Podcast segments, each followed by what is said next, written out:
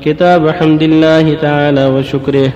قال الله تعالى فاذكروني يذكركم واشكروا لي ولا تكفرون. وقال تعالى لئن شكرتم لازيدنكم. وقال تعالى وقل الحمد لله. وقال تعالى وآخر دعواهم الحمد لله رب العالمين. وعن أبي هريرة رضي الله عنه أن النبي صلى الله عليه وسلم أتي ليلة أسري به بقدحين من خمر ولبن فنظر إليهما فأخذ اللبن فقال جبريل صلى الله عليه وسلم الحمد لله الذي هداك للفطرة لو أخذت الخمر غوت أمتك رواه مسلم. وعنه رضي الله عنه عن رسول الله صلى الله عليه وسلم قال كل أمر ذي بال لا يبدأ فيه بالحمد لله فهو أقطعه حديث حسن رواه أبو داود وغيره. وعن أبي موسى الأشعري رضي الله عنه أن رسول الله صلى الله عليه وسلم قال إذا مات ولد العبد قال الله تعالى لملائكته قبضتم ولد عبدي؟ فيقولون نعم فيقول قبضتم ثمرة فؤاده فيقولون نعم فيقول فماذا قال عبدي؟ فيقولون حمدك واسترجعه فيقول الله تعالى ابنوا لعبدي بيتا في الجنة وسموه بيت الحمد رواه الترمذي وقال حديث حسن. وعن أنس رضي الله عنه قال قال رسول الله صلى الله عليه وسلم إن الله ليرضى عن العبد يأكل اللكله فيحمده عليها ويشرب الشربة فيحمده عليها. رواه مسلم. الحمد لله وصلى الله وسلم على رسول الله وعلى آله وأصحابه. أما بعد هذه الأحاديث والآيات كلها في حث الحمد. والشكر لله عز وجل على إنعامه وإحسانه. الله جل وعلا هو المنعم على عباده بأنواع النعم في دينهم ودنياهم. فالمشروع لهم والواجب عليهم أن يشكروه سبحانه وأن يحمدوه ويثني عليه بما أسداه إليهم وأحسن به إليهم من نعمه العظيمه من صحة صحة وعافية من نعمة الدين والإسلام من نعمة المال من نعمة الأولاد إلى غير ذلك. الله جل وعلا يقول وإذ تعلن ربكم لئن شكرتم لأزيدنكم. يقول سبحانه وتعالى فاذكروني اذكركم واشكروا لي ولا تكفرون. ويقول جل وعلا وقل الحمد لله. وآخر دعوانا أن الحمد لله رب العالمين. الحديث روى عن انه قال كل أمر ذي بال لا يبدأ بالحمد فهو أجزم ابتر يعني أقصى البركة. كذلك ما يروى في عند موت الجنين. يقول الله جل وعلا ماذا قال عبدي؟ قال حمدك واسترجع فيقول الله جل وعلا ابن لعبد بيت في الجنة وسموه بيت الحمد. ويقول النبي صلى الله عليه وسلم إن الله يرضى عن العبد يأكل الأكل فيحمده عليها ويشرب الشرب فيحمده عليها. والأحاديث في الحمد والثناء لله كثيرة. فيستحب للمؤمن والمؤمنة الإكثار من ذلك. ويقول عليه الصلاة والسلام أحب الكلام أربع.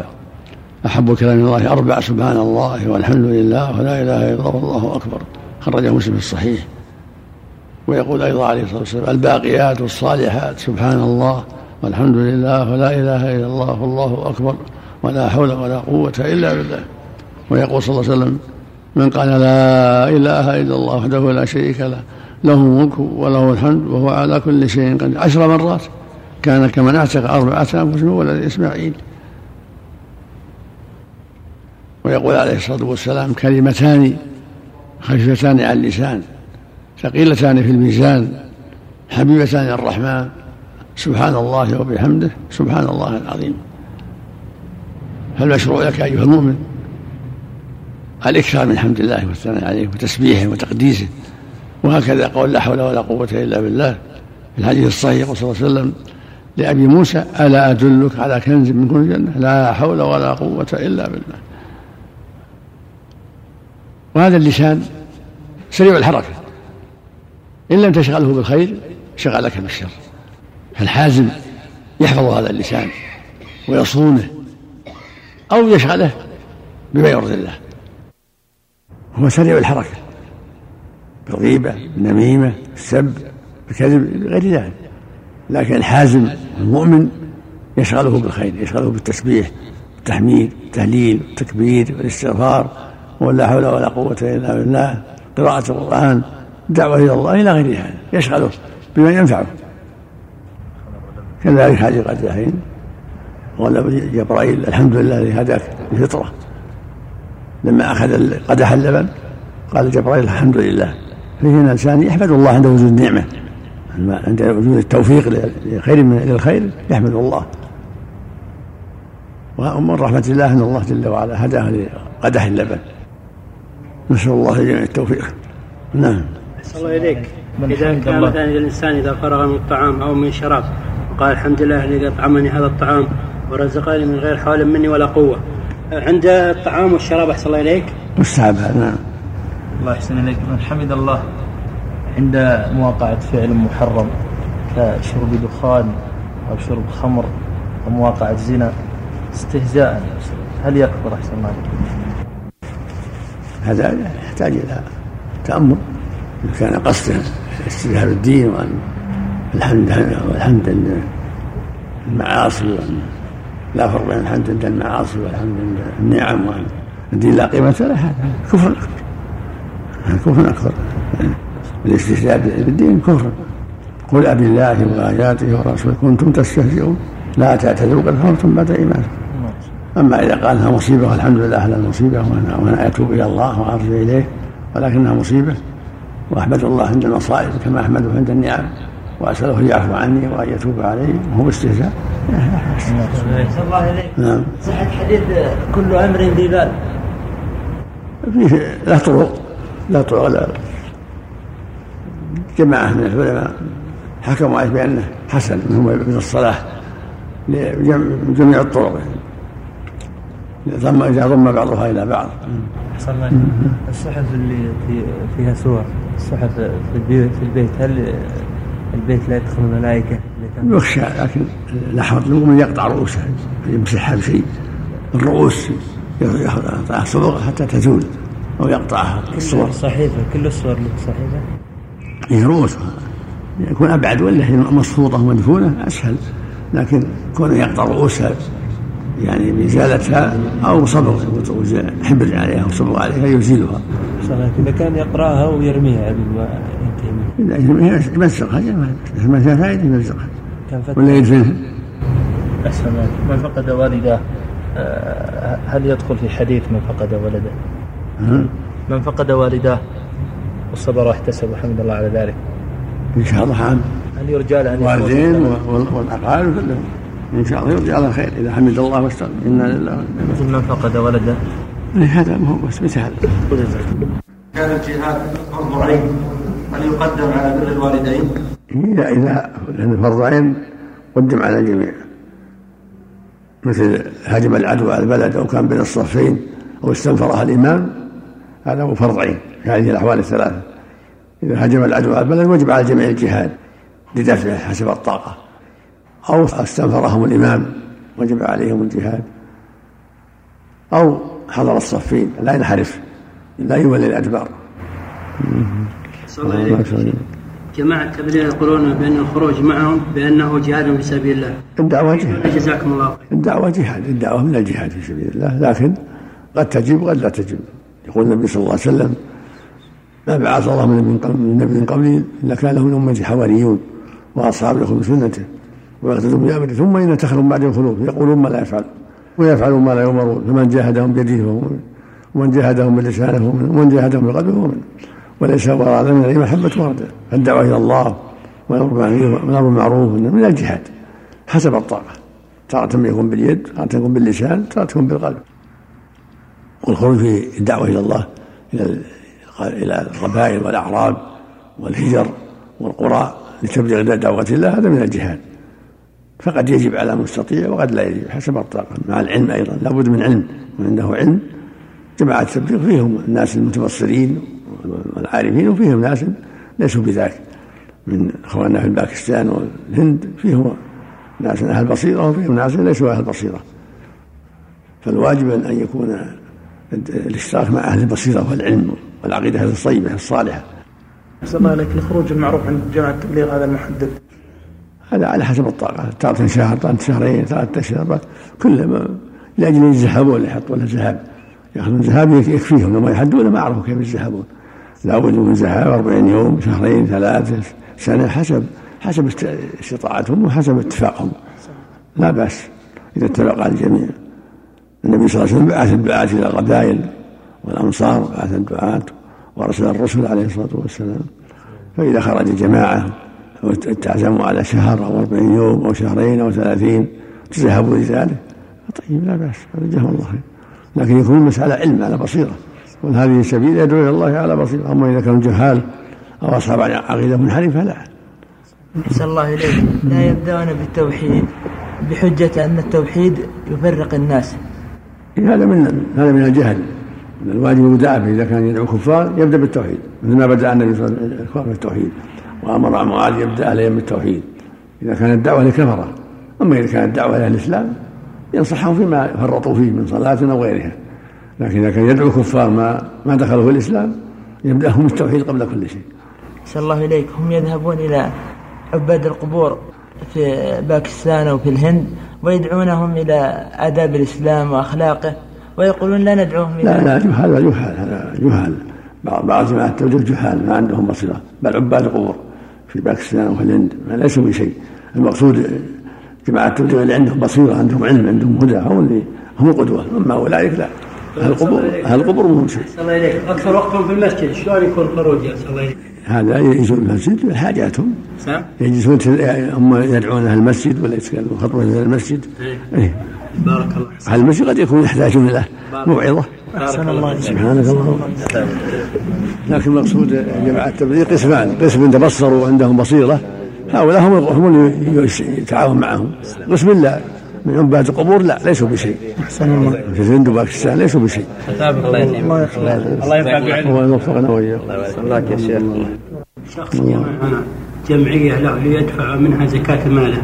عن أرض في مصر. سرقت منه مال الزكاة ومصروف الشخصي في المدينة. هل يعتبر أنه أخرج ماله للزكاة في نيته أم ماذا؟ وجزاكم الله خيرا. لا ما عندها زكاة حتى يوصلها إلى أهلها إذا سرقت هذا يعوض الله خيرا ولكن عليه الزكاة. عليه يؤدي الزكاة حتى يوصلها إلى أهلها.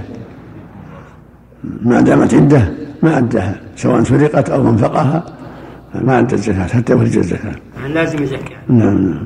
أحسن الله إليك. السؤال الثاني رجل دخل في العمرة ولبى بها ظهر ثلاثين رمضان ووصل مكة فجر العيد وأتم عمرته بعد صلاة العيد. هل تعتبر عمرة في رمضان؟ نعم العبرة بوقت الإحرام نعم.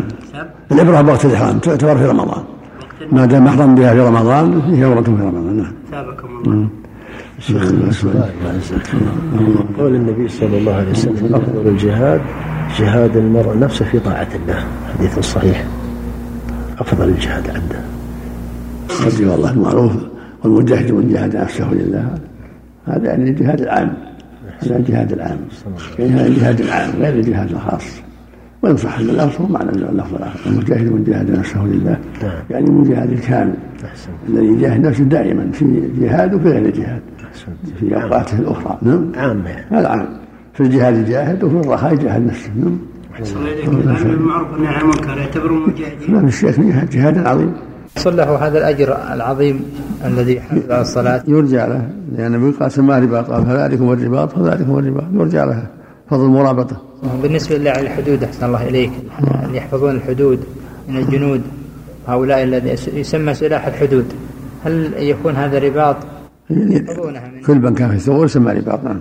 إذا أصلح الله نيته نعم. أحسن الله إليك. بالنسبة للارتباط هل يكون مثلا يكون في الجلوس في المسجد أو أنه ينتظر الصلاة بعد الصلاة.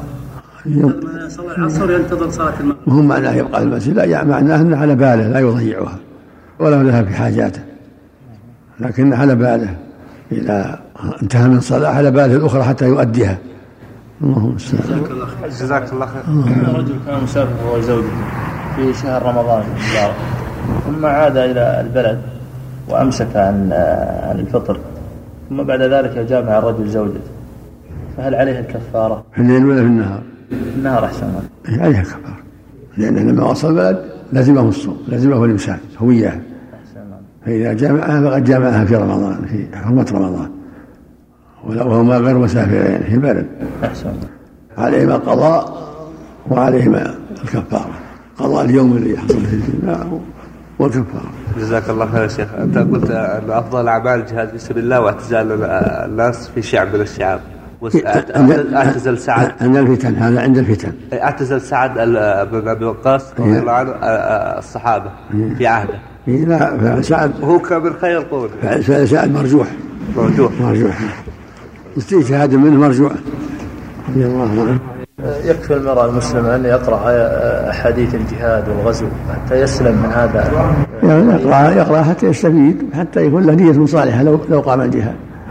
حتى يسلم مما ورد. نعم نعم. من مات ولم يغلب ما حد سوى مات على شبعة من النفاق لا حول ولا قوة نسأل الله العافية. صلى الله عليك أن يطلقون على اسم شخص يقول الشهيد فلان أو يقول المرحوم له أو آه، المغفور له والمرحوم والشهيد الشهيد أطلقه النبي صلى الله عليه وسلم إذا قتل في سبيل الله فهو شهيد ساعة إن كان في له نية داخلية الله أعلم بها لكن الشهيد لا يغسل ولا يصلى عليه إذا مات في المعركة يسمى شهيد فإن كان صادقا مخلصا فله الجنة وإن كان مرائي فإثمه عليه نسأل الله العافية. أحسن إليك إطلاقه على الشخص. وأما المرحوم المغفور لا يقال رحمه الله غفر الله. أهل السنة والجماعة لا يشهدون لأحد بجنة ولا نار إلا من شهده الرسول صلى الله عليه وسلم. لكن يقال رحمه الله غفر الله له عفى الله عنه. وش يدري إنه مرحوم وش يدري إنه مغفور ما تدري. لكن تقول فلان رحمه الله فلان غفر الله له. جزاك الله خير. تلحق بها كلمة شهيد ما تلحق بها كلمة شهيد لا ما تلحق بها لأن الرسول أطلق عليهم الشهداء. المقتول في سبيل الله يطلق يطلق على الشهاد لا يغسل شهيد في, في الحكم الشرعي. أما فيما يتعلق بالجنة والنار هذا إلى الله سبحانه ولا يقال يرحمه الله. بعد الدعاء ما يخالف. يرحمه الله ويغفر الله له. على قصد الدعاء. من قتل في معركة هل يسمى شهيدا؟ سواء قتل في المعركة ولا ولا خارج المعركة يسمى شهيد. إذا قتل في سبيل الله ولو خارج المعركة ولو عاش يومين ثلاثة أربعة ثم مات هو شهيد. لكن إذا قتل في المعركة لا يغسل ولا يصلى عليه. أما إذا عاش تأخر ثم مات يغسل ويصلى عليه. لكن أحسن الله إليكم. قال الشهيد فلان.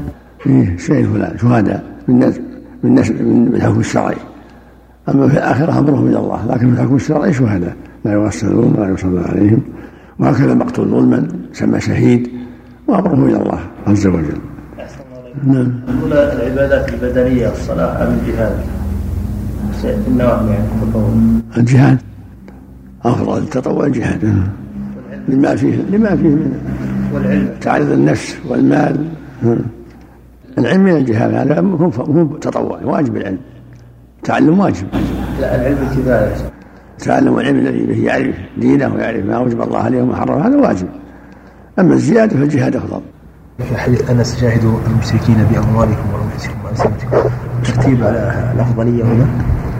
واجب الجميع كلها واجب. كلها واجبة. بالمال والنفس واللسان.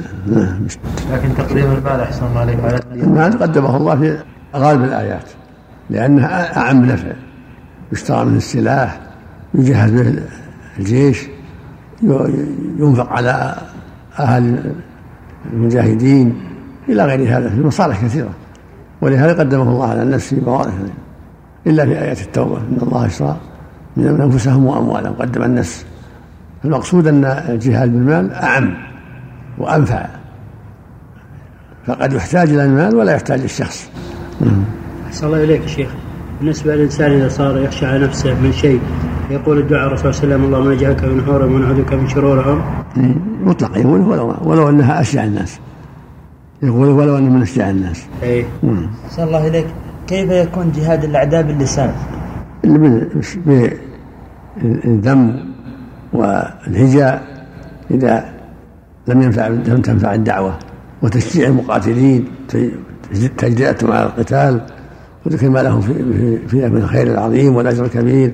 شجع المجاهدين ويهجم المشركين ويخذلهم وإلى غير هذا من أنواع الجهاد. الدعوة إذا كان يرجو إسلامهم فمن جهادهم باللسان الدعوة. إذا رجع إسلامهم. أحسن الله إليك. بالنسبة للتورية مثلا مثلا يبغى مثلا ما ما يحب يستطيع أن يقابل أحد ومثلا يقول مثلا قولوا كذا أن مثلا مثلا في المكتبة أو كذا هو موجود في البيت. وهو في المكتبة مثلا. هل تستخدم هذه أحسن الله إليك؟ هذا كذب هذا كذب. اي في ناس مثلا يستخدمها الآن. يقولوا مثلا راح مثلا يحط مثلا غرفة هذه اسمها مثلا المكتبة يقول ذهب إلى المكتبة أو كذا. هل تعتبر من كذبه إذا كانت في المكتبة إذا كانت المكتبة راح المكتبة. إذا كانت المكتبة. لا يخصصها وكذا يكذب يقول مثلا يقولوا له بدل ما يقول مو فيه يقول إنه ذهب إلى المكتبة. لا كذا يعني. اذا كان خلاف الحقيقة لا. اي خلاف الحقيقة نعم. أي. أما إذا كان مو فيه مو يعني هو الإنسان مو فيه مو في المحل هذا. المحل هذا. يقول ها من التورية أحسن الله إليك. إن في المعارض مندوحه الكذب. إذا عرض بشيء لا يتعمد في الكذب. أثابك الله. ورد عن بعض السلف أن له كان له غرفة يسميها دمشق أو حلب فإذا خرج أو إذا أراد أن لا يزور أحد سالوا عنه. قال قولوا أنه في دمشق أو في حلب. ما اعرف أقول ما أعرف صلى الله إليك. فكيف يوري المقصود التورية في الشيء الذي ليس فيه تعمد الكذب زي يقول هو هنا يعني مو في المجلس. مو في مكان آخر يعني المجلس.